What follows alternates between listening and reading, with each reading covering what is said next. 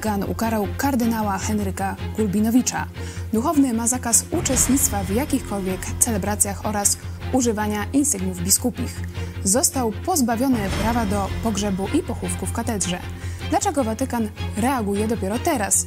Czy przestraszył się książki historyka IPN?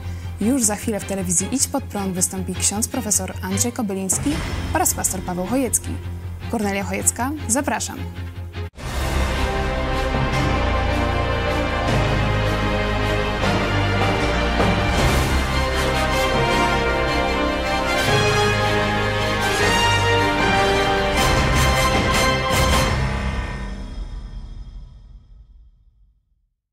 Naszym gościem jest ksiądz profesor Andrzej Kobyliński z Uniwersytetu Kardynała Stefana Wyszyńskiego. Witamy ponownie. Dzień dobry pani redaktor, witam państwa. Oraz pastor Paweł Chojecki, redaktor naczelny telewizji Idź Pod Prąd. Witam cię również. Witam ciebie, księdza profesora i naszych widzów. W maju ubiegłego roku po filmie braci Sekielskich Tylko nie mów nikomu Karol Hum oskarżył kardynała Henryka Gulbinowicza o molestowanie w latach 90., kiedy miał 16 lat. Po przeprowadzeniu dochodzenia Watykan stwierdził, że żeby ukarać kardynała. Dlaczego dopiero teraz? Czy wcześniej nikt o tym nie wiedział w kościele? Ksiądz profesor Andrzej Kobyliński. Ja po raz pierwszy y, słyszałem o y, skłonnościach, preferencjach y, seksualnych księdza kardynała Gurbinowicza w połowie lat 90., ale wówczas moja wiedza dotyczyła ofiar pełnoletnich. Miałem informację, że w różny dziwny sposób ksiądz kardynał dotyka młodych księży, że często nawet z dziennikarzami czy z politykami, jeśli są mężczyznami, no potrafi się widać, witać w taki niestandardowy sposób, że przytula, dotyka pewnych intymnych części ciała. No to była wiedza powszechna w Polsce. Ja o tym się dowiedziałem w połowie lat 90. i raczej wówczas traktowano to wszystko jako taką pewną charakterystykę księdza kardynała. W tamtym czasie jeszcze w naszym języku polskim nie było takich kategorii jak nadużycie seksualne, jak molestowanie seksualne. Mieliśmy zupełnie inną świadomość moralną czy świadomość prawną. Ja już wówczas miałem wyostrzone spojrzenie, ponieważ od jesieni 1992 roku przez kolejnych sześć lat mieszkałem w krajach zachodnich, Włochy, Niemcy czy Wielka Brytania. W związku z tym to moje wyostrzone patrzenie na tego rodzaju no, straszne rzeczy pochodziło właśnie, czy brało się z tej nowej wiedzy, czy z nowych rozmów, czy z nowych lektur, które no, mogłem wówczas, że tak powiem, mieć dzięki temu, że, prze, że przebywałem poza Polską. Czyli mój jakby prosty taki wniosek, gdy chodzi o pewne właśnie skłonności seksualne, gdy chodzi o pewne zachowania seksualne księdza kardynała, to ta wiedza w kręgach kościelnych była szeroka tak naprawdę od lat pewnie 60. czy 70. XX wieku. Ja się o tym dowiedziałem w latach 90. Natomiast gdy chodzi o pierwszą ofiarę nieletnią, którą poznałem z mediów, no to jest dopiero oczywiście rok ubiegły i pan Karol Hum, który publicznie w mediach opowiedział swoją historię. Tak jak ksiądz profesor wspomniał, ta wiedza była powszechna w Kościele katolickim od lat. We wczorajszej rozmowie z Polsat News ksiądz powiedział, że reakcja Kościoła jest spóźniona o 60 lat. 60 lat to kilka pontyfikatów. Jan XXIII, Paweł VI, Jan Paweł I, Jan Paweł II, Benedykt XVI, Franciszek. Czy ci wszyscy papieże brali więc udział w wielkiej zmowie milczenia? Częściowo tak, częściowo nie. Dlaczego to jest kwestia trudna? Ponieważ zauważmy, że ocena skłonności homoseksualnej człowieka dzieli dzisiaj tak naprawdę wszystkich chrześcijan i wszystkie inne religie. I gdy chodzi o Kościół katolicki, dopiero w roku 2005 powstał pierwszy dokument mówiący o tym, że osoby homoseksualne nie powinny y, być y, księżmi, to znaczy, że nie powinny, nie powinny być udzielane święcenia kapłańskie. Natomiast do roku 2005 istniało takie powszechne, niezapisane prawnie przekonanie, że de facto nie pytamy kandydata o skłonność seksualną, ale chodzi nam przede wszystkim o to, żeby nie dochodziło do czynności aktów seksualnych. W związku z tym liczyła się tak zwana wstrzemięźliwość seksualna, natomiast nie pytano kandydatów o ich orientację czy skłonność seksualną. W związku z tym przez dziesięciolecia no bardzo często było tak, że dany duchowny katolicki mógł praktykować swoją orientację na przykład homoseksualną. I jeśli to, że tak powiem, wiązało się z jakimś przyzwoleniem, nie wiem, społecznym, że tak naprawdę nikt nie reagował, to często mogło być tak, że wszyscy o wszystkim wiedzieli i po prostu była zgoda na takie zachowanie. Ja znam wiele takich przypadków z lat 80. czy 90. takiej właśnie zmowy milczenia, ale wówczas jeszcze uważam, może to nie była świadoma omerta, bardziej to była kwestia nie wiem, niewrażliwości moralnej, nieświadomości, czy też może po prostu banalizowania poważnych problemów. Także trzeba by spokojnie oceniać lata 60. czy 70. czy 80., ponieważ mieliśmy wówczas inną wrażliwość moralną niż dzisiaj. Dzisiaj mamy rok 2020. Pastor Paweł Chojecki. Dlaczego Watykan dopiero teraz zajmuje się sprawą kardynała Gulbinowicza? No tu zgadzam się e, z autorem książki, e, z profesorem Łatką, e, który, która ma się ukazać za 10 dni, dwa tygodnie. On twierdzi, że to właśnie jego książka niestety jest powodem tej reakcji. Na to by wskazywał też niedawny komentarz księdza Isakowicza Zaleskiego, że przecież on kilkanaście lat temu no, powiedzmy, oskarżył kilkunastu biskupów katolickich o tego typu sprawy po pierwsze, przez kilkanaście lat nic się nie działo. Po drugie, wybrali teraz tylko jednego. No, ktoś powie, że nie tylko jednego, bo jeszcze biskup Janiak.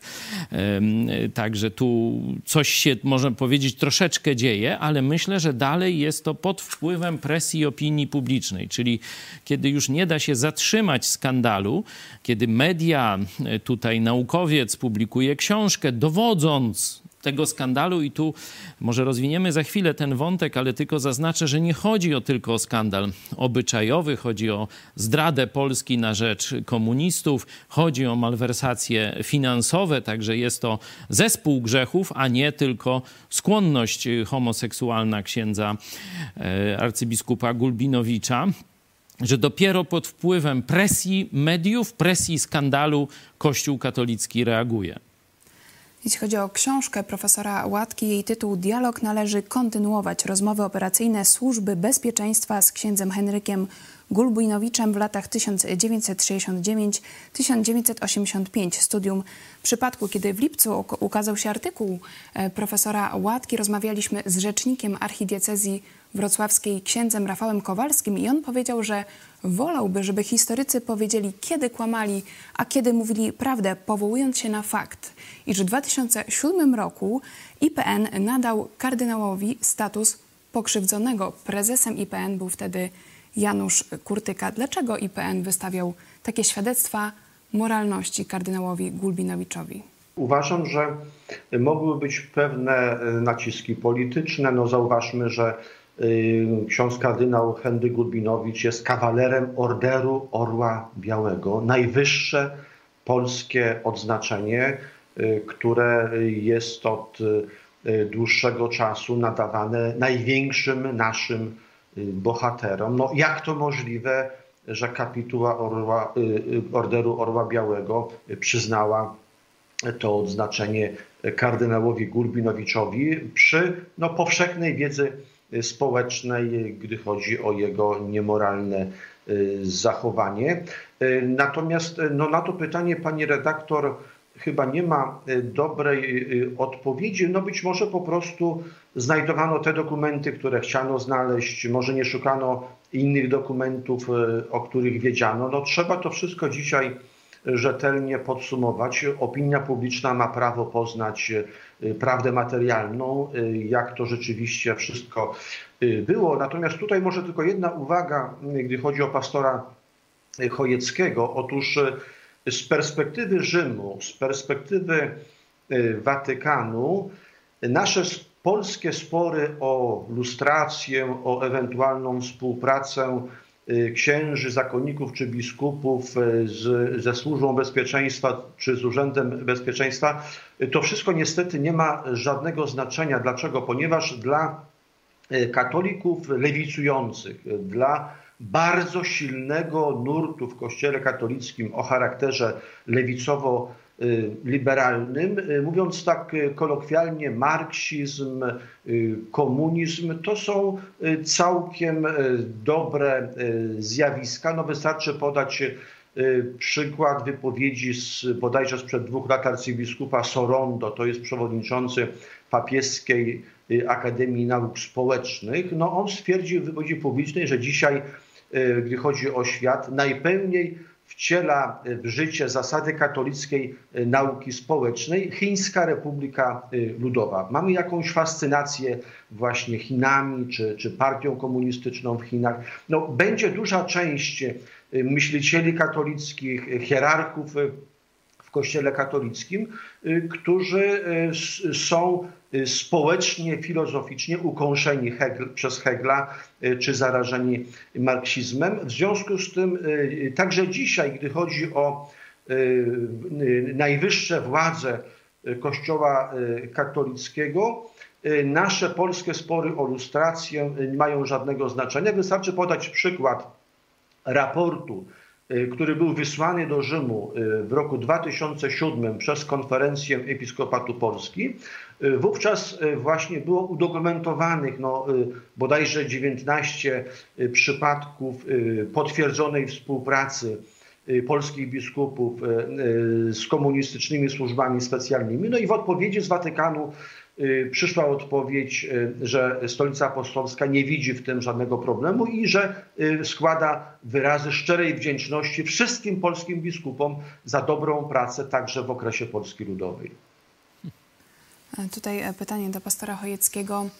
Jaką właściwie rolę pełni e, kardynał Gulbinowicz w Polsce, zarówno w czasach komunistycznych, jak i, jak i w trzeciej RP? No tutaj zacznę od takiego obszaru popkultury, czyli film dotyczący tak zwanych 80 milionów Solidarności.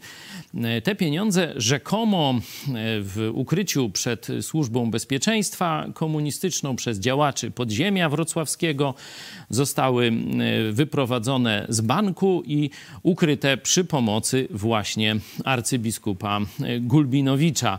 No, kiedy ten film obejrzałem, kiedy tę historię troszeczkę poznałem, od razu moje myśli poszły w tym kierunku, że po pierwsze służba bezpieczeństwa była dużo cwańsza niż przedstawiona na tym filmie, czyli operacja wyciągnięcia tych pieniędzy musiała być kontrolowana e, przez służbę bezpieczeństwa, być może dla niepoznaki tam paru gamoni w, w jakimś starym Fiacie wy, wypuścili, żeby dać wrażenie niektórym uczestnikom e, tej e, szopki, że tu się coś dzieje naprawdę i że później te pieniądze zostały Polakom skradzione. Przez Służbę Bezpieczeństwa, przez jej, można powiedzieć, takich nadwornych, demo, y, tych opozycjonistów demokratycznych, co profesor Zybertowicz bardzo trafnie ujął, mówiąc, że okrągły stół to jest umowa, można powiedzieć, agentów, y, tych oficerów y, komunistycznych z prowadzący z tymi obiektami, które prowadzili, czyli z tak zwaną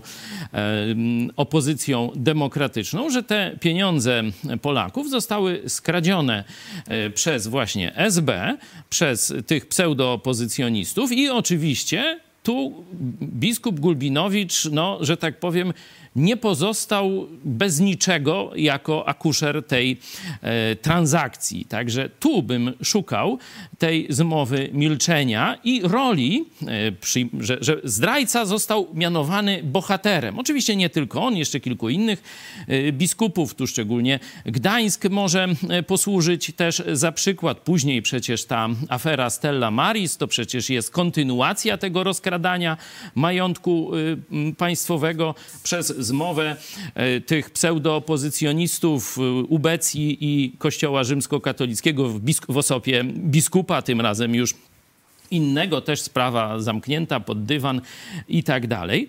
Także to jest efekt okrągłego stołu.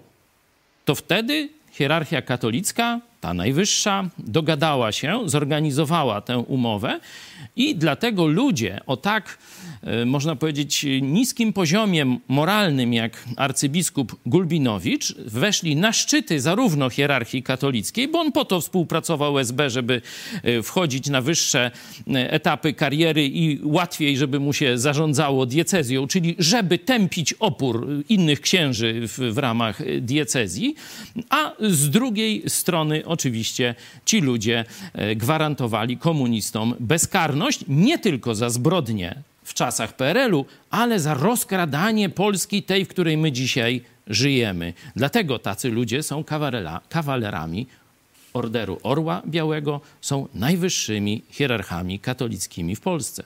Posłowie Lewicy napisali wniosek do prezydenta Andrzeja Dudy, by odebrać e, order Orła Białego kardynałowi Gulbinowiczowi. Jest to najwyższe odznaczenie w trzeciej RP i nadał kardynałowi Gulbinowiczowi to odznaczenie prezydent Lech Kaczyński w 2008 roku.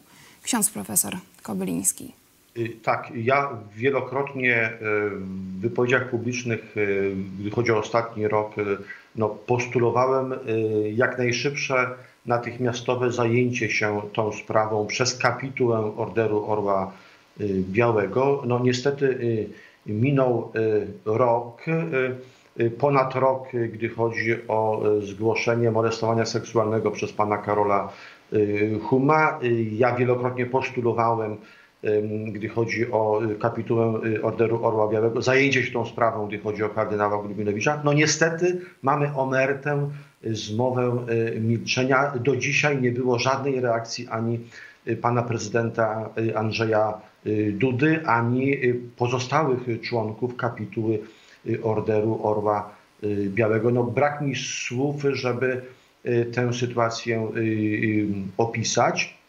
Natomiast y, uważam, że y, przed chwilą y, pastor Chojecki dotknął niezwykle istotnej kwestii, y, to znaczy y, jak właściwie rozumieć drugą połowę lat 80. w Polsce i lata 90., czyli przygotowanie do transformacji 89 roku y, i później realizowanie y, tak zwanych y, reform gospodarczych czy y, politycznych. Y, Ja często mówię o tym, że y, no, musimy w Polsce napisać na nowo y, historię y, polityczną, historię Kościoła y, katolickiego, historię Solidarności, y, gdy chodzi o ostatnich y, y, 40 lat. Y, Szczególnie mocno to wybrzmiało w kontekście księdza prałata Henryka Jankowskiego, gdy burzono jego pomnik, gdy później go znowu stawiano, gdy znowu go burzono, gdy wyszło na jaw, że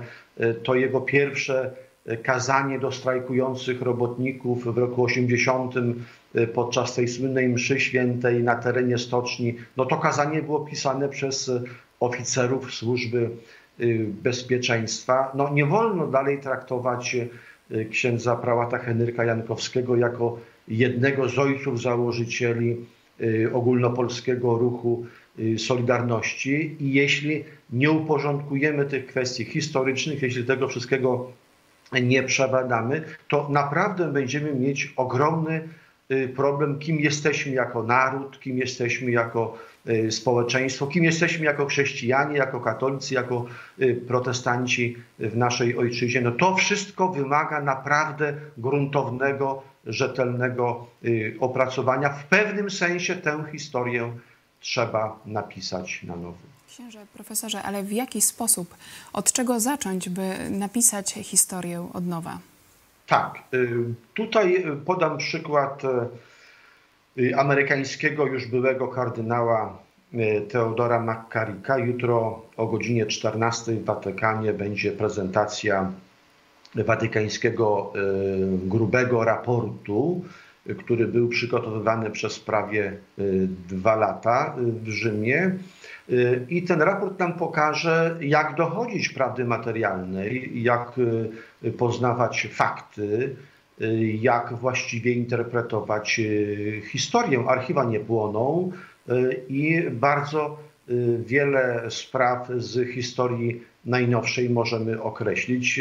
Jeśli badamy historię ludów starożytnych, jeśli poznajemy szczegółowe opisy dotyczące Greków czy Rzymian i ich życia w epoce starożytnej, no to chyba tym bardziej możemy dojść do prawdy, gdy chodzi o to, co się działo 10, 20 czy 30 lat temu. I tutaj osobiście uważam, że w Polsce będą potrzebne w najbliższych latach odrębne raporty ukazujące we właściwym świetle różne postaci, które być może zbyt szybko zostały wykreowane na bohaterów, na przykład ksiądz prałat Henryk Jankowski czy ksiądz kardynał Henryk Gulbinowicz. Jak takie raporty robić, jaką one powinny mieć strukturę, no to zobaczymy to jutro, gdy chodzi o watykański raport dotyczący Teodora McCarricka, a taki raport jest na przykład w Polsce pilnie potrzebny, gdy chodzi o barwną, złożoną postać księdza kardynała Henryka Gulbinowicza. Czekamy z niecierpliwością. Pastor Paweł Chojecki. Jeśli mogę właśnie do tego się odnieść, bo tu e, ciekawostka, dwa razy e, splatają nam się losy e, skorumpowanych czy skompromitowanych hierarchów katolickich, jednego polskiego, arcybiskupa Gulbinowicza, a teraz amerykańskiego kardynała McCarnicka. I tu mamy rolę polskich służb związanych z badaniem archiwów. Jest dwóch ludzi, tu pan pan profesor już nieżyjący Kurtyka, który wystawia świadectwo moralności, można tak powiedzieć, e, arcybiskupowi Gulbinowiczowi, mówiąc, że on był ofiarą systemu, podczas gdy on rzeczywiście korzystał e, na tym systemie, współpracował e, z, z komunistami, współtworzył, budował komunizm w Polsce, donosząc zresztą na innych biskupów z episkopatu. Także tu mamy odwrócenie, nie? że IPN daje świadectwo moralności i bardzo podobną rzecz zrobił minister Macierewicz w czasie czasie swojej wizyty w Stanach Zjednoczonych, gdzie starał się raport smoleński upublicznić, to chyba było gdzieś 2,5, może 3 lata temu, tak do końca nie pamiętam e, daty. On wtedy osobiście, tu na pewno ksiądz profesor pamięta to zdarzenie, e, spotkał się z kardynałem McCarrickiem, e, który rzekomo tak miał tę polską sprawę wziąć pod swoją opiekę. I tak jak nie wierzę, że profesor Kurtyka nie znał tej przypadłości e, czy różnych przypadłości arcybiskupa Gulbinowicza. Ksiądz profesor mówił, że to dziennikarze wiedzieli już w latach 90. No to jak w 2007 roku profesor Kurtyka mógł nie wiedzieć o tych różnych niuansach, delikatnie e, mówiąc, związanych z Gulbinowiczem? Tak też nie wierzę, że trzy lata temu Macierewicz nie wiedział, że to jest skompromitowany w afery, straszne afery pedofilskie. No jutro będziemy wiedzieć więcej. E, biskup Kościoła Rzymskokatolickiego, a jednak firmował się z nim i jednak sprawę polską związał z tym no, upadłym moralnie i e, skorumpowanym biskupem. Także wiedział, a jednak to robił. Nie? To jest właśnie ta słabość politycznej. Już nie mówię o kościelnej, ale politycznej części polskiej katolickiej prawicy, że ona po prostu dla swojej sprawy ukrywa straszne prawdy, byle tylko zrealizować jakiś taki, że tak powiem, techniczny czy, czy bardzo niewielki, bieżący cel. Nie? To jest, w tym momencie my możemy zrobić. To skompromituje, to, znaczy to już skompromitowało nie tylko biskupów katolickich, ale całą formację katolicko-narodową w Polsce. Ale jeśli Zalewski dodaje, że Państwowa Komisja do Spraw Pedofilii nawet nie ma adresu. Także nie można wysłać tam zgłoszenia ofiar. Jak wyjść z tego patologicznego układu ksiądz profesor Kobyliński? Szanowna pani redaktor, komisja została tak pomyślana, żeby nie zajmować się pedofilią w kościele, ponieważ dolna granica ofiar y, to jest y, 15 lat. To znaczy y, komisja może się zajmować y, zgodnie z ustawą tylko tymi ofiarami, które nie ukończyły 15 roku życia, a znakomita większość pedofilii klerykalnej y, to są osoby między 15 a y, 18 rokiem życia. Na przykład gdy chodzi o księdza kardynała Henryka Gulbinowicza, ja nigdy nie słyszałem, żeby jakakolwiek y, jego ofiara miała poniżej y, 15 y, y, lat. To jest taki mały szczegół, którego nie zauważyły polskie media w kontekście charakteru specyfiki naszej y, Komisji Państwowej y, do spraw y, pedofilii. Ale tutaj y, mała może dopowiedź y, do słów y, pastora Chojeckiego. Otóż osobiście zgodzę się z pierwszą częścią wypowiedzi. Y, Tak, y, y, IPN na początku lat 2000 nie mógł nie wiedzieć y, o kwestiach obyczajowych, moralnych księdza kardynała Henryka Gulbinowicza. Natomiast mógł o nich nie wiedzieć trzy lata temu pan Antoni Macierewicz. Dlaczego? Ponieważ y, ta y, kwestia w mediach ogólnoświatowych była perfekcyjnie skrywana i proszę mi uwierzyć, no ja badam te sprawy od ponad 20 lat i czytam prawie każdego dnia y, prasę światową no, w kilku językach. Nigdy do roku 2018 nie spotkałem się choćby z najdrobniejszą informacją dotyczącą McCarricka. Co więcej, co więcej, dałem się oszukać Amerykanom po roku 2002, ponieważ y, gdy w roku 2002 y, po y, filmie Spotlight, po tragedii archidiecezji bostońskiej, po tym mega skandalu pedofilskim za oceanem, po tym wszystkim amerykańscy biskupi przyjęli taki dokument w Dallas, tak zwaną kartę w Dallas, jak wyjść z tego dramatu i wówczas przyjęto taką zasadę y, tolerancja zero, zero tolerancji.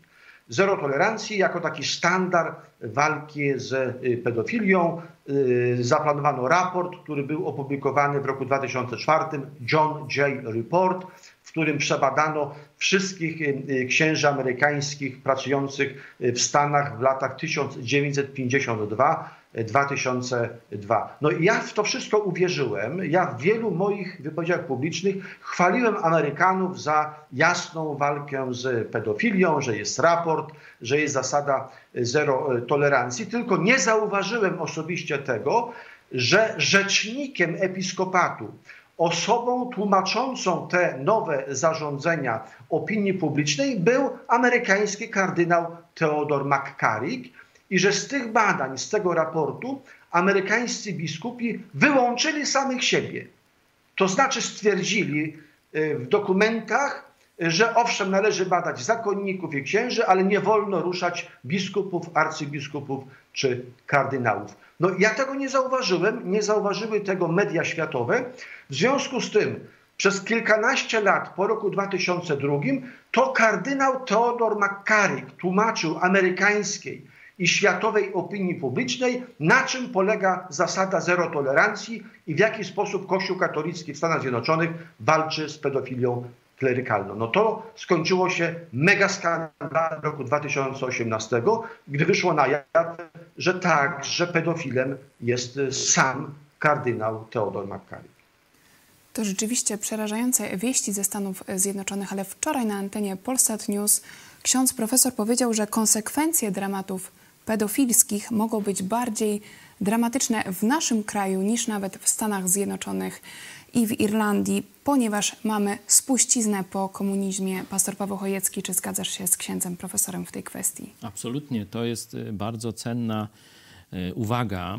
Ja używam niekiedy takiej zbitki słownej kato y, komuna po tym haniebnym wydarzeniu w Łagiewnikach. Dodałem jeszcze, kiedy Jarosław Kaczyński no, prowadził ten orszak weselny młodej pary. Y, Nazwałem to kato pato y, komuna, no ale pozostańmy przy tym wcześniejszym tym, tym, tym no, złożeniu dwóch y, czynników, że z jednej strony można powiedzieć, w ostatnich kilkudziesięciu, ale tak no nie 30-40, tylko bardziej 60-70 latach Kościół katolicki no, oddala się od zwykłych ludzi. Już nie mówię, że oddala się od Jezusa, Biblii, bo to troszkę szersze zagadnienie, no ale oddala się od zwykłych ludzi, zamyka się, można powiedzieć, w takiej oblężonej twierdzy pałaców biskupich. I y, ksiądz profesor często o tym mówi. W Polsce to jest bardzo y, no, takie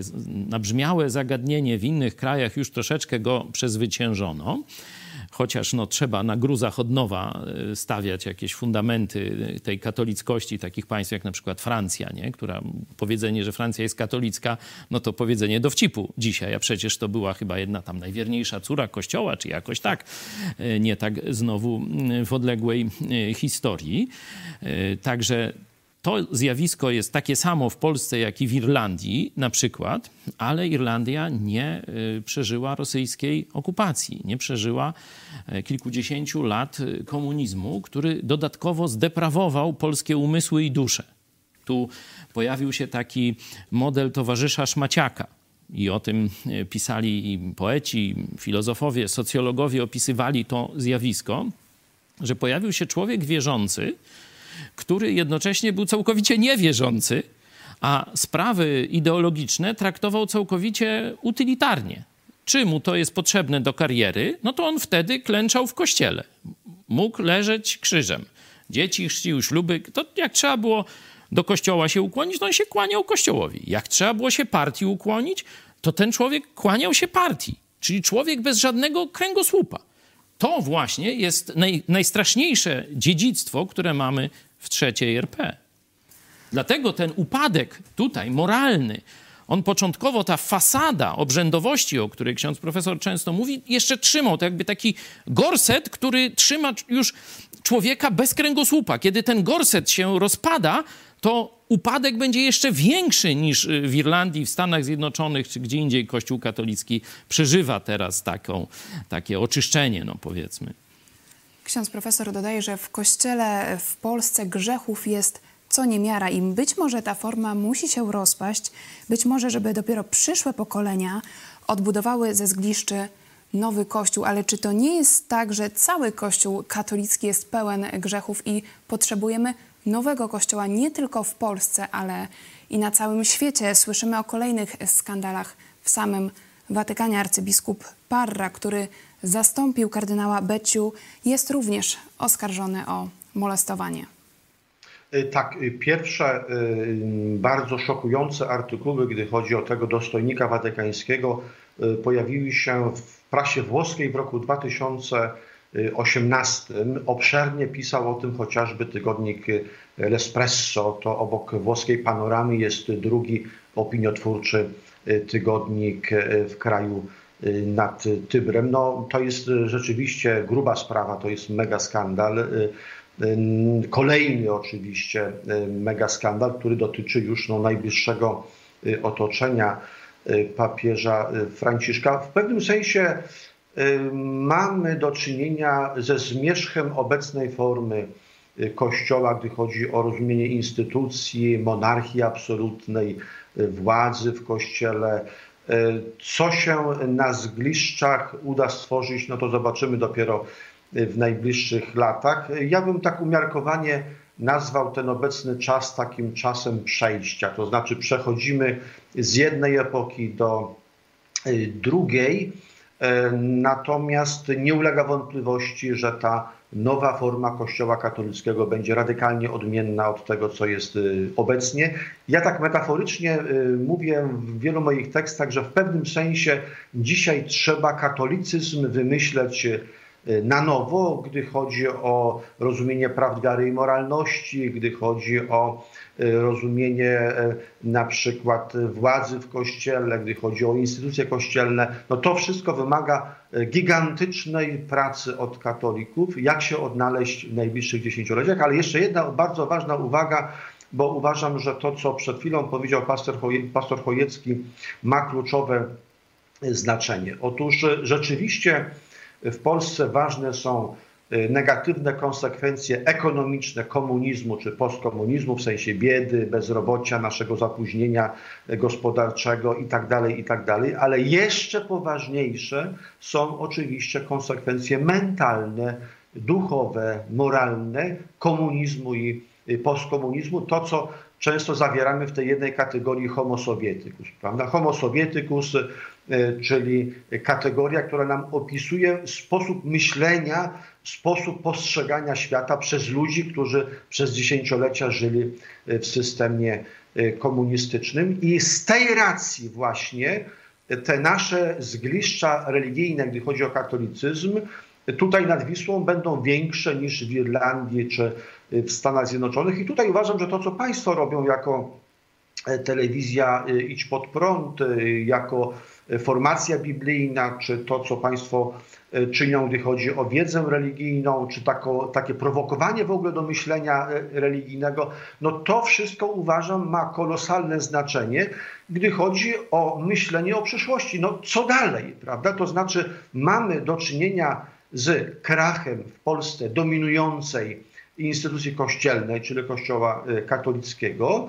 E, oczywiście e, ten kryzys jest no, nieuchronny, ale on potrwa jeszcze wiele lat, ale już trzeba teraz myśleć no, pozytywnie, to znaczy jakie formy życia religijnego chcemy wypracować, ukształtować dla przyszłości, dla młodych pokoleń, no jeśli nie chcemy, y, żeby y, życie większości ludzi w Polsce było zdominowane przez y, ateizm czy taką kompletną obojętność religijną.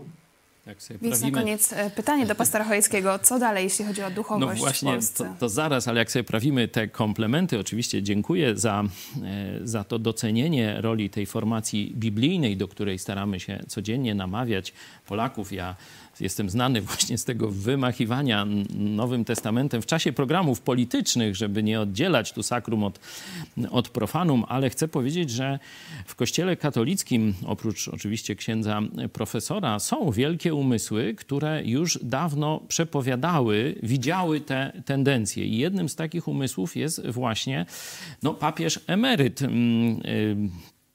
papież Ratzinger, który wtedy jeszcze jako szef y, tam kongregacji wiary, prefekt chyba nazywa, on w latach 80. ostrzegał Kościół przed tym, co się teraz dzieje. On troszeczkę był w kontrze do takiego kościoła tego kremówkowo-krucjatowego, mm, czy takich, znaczy, że takie zja- znaczy zloty były, jak się papież Jan Paweł II gdzieś pojawiał, no to tam milion czy dwa miliony ludzi. Wtedy kardynał Ratzinger przestrzegał, że to jest nie tędy droga to jest tylko masowy zachwyt, zachwyt, z którego nie będzie żadnej, y, żadnego duchowego owocu na dłuższą metę. I on przepowiadał właśnie w latach 80., ja już jako na nowonarodzony chrześcijanin, ale jeszcze w różnych, działając w Krakowie, w różnych duszpasterstwach akademickich, no wręcz z takimi wypiekami na twarzy czytałem, co e, wtedy jeszcze kardynał Ratzinger pisał o przyszłości Kościoła, bo to mi się zgadzało z tym rozziewem, który widziałem tu w Polsce pomiędzy wiarą Biblii a taką tradycyjną religijnością. I on mówi, że ten tradycyjny, wielki Kościół, on się zawali i Kościół katolicki, jeśli będzie chciał przetrwać, będzie musiał zejść do podziemi, nazwał to właśnie powrócić do katakumb i zacząć formację w małych wspólnotach. W małych wspólnotach, które dopiero być może w przyszłości znowu dadzą owoc jakiegoś powszechnego nawrócenia czy zwrócenia się do Boga. Także on to pisał w latach 80. Bardzo wtedy to przeżywałem z radością, że, że ktoś taki jest w Kościele katolickim, który widzi te zagrożenia. I pamiętam jego taki ostatni, bo on był pierwszym papieżem, który wszedł na Twittera, nie? czyli właśnie wyszedł do ludzi, do mediów społecznościowych. Jeden z ostatnich tweetów tuż przed abdykacją do katolików na całym świecie, to było wskazanie na osobistą relację z Jezusem Chrystusem. To było, można powiedzieć, ostatnie przesłanie papieża Benedykta przed tym czasem, który już teraz mamy i widzimy, że Kościół rzeczywiście pada, y, bo te wszystkie afery wychodzą na wierzch. To nie te afery, znaczy nie ujawnianie tych afer, afer osłabia Kościół, Ten kościół gnił od środka przez wiele lat i wielu stosowało, to jak ksiądz e, profesor mówi, zmowę milczenia, to omertę. I kardynał Ratzinger przewidział, że kiedyś prawda wyjdzie na jaw, kiedyś Kościół runie i przetrwają tylko wspólnoty tych, którzy będą mieli żywą więź z Jezusem Chrystusem. Nic dodać. Czyli taki plan dla Polski na najbliższe lata. Bardzo dziękuję za rozmowę. Mam nadzieję, że nastąpi ciąg dalszy naszej dyskusji o przyszłości Polski i przyszłości Kościoła katolickiego. Naszym gościem był ksiądz profesor Andrzej Kobeliński. Dziękuję serdecznie. Dziękuję, do widzenia. Do zobaczenia i pastor Paweł Chojecki. Dziękuję bardzo. Do zobaczenia.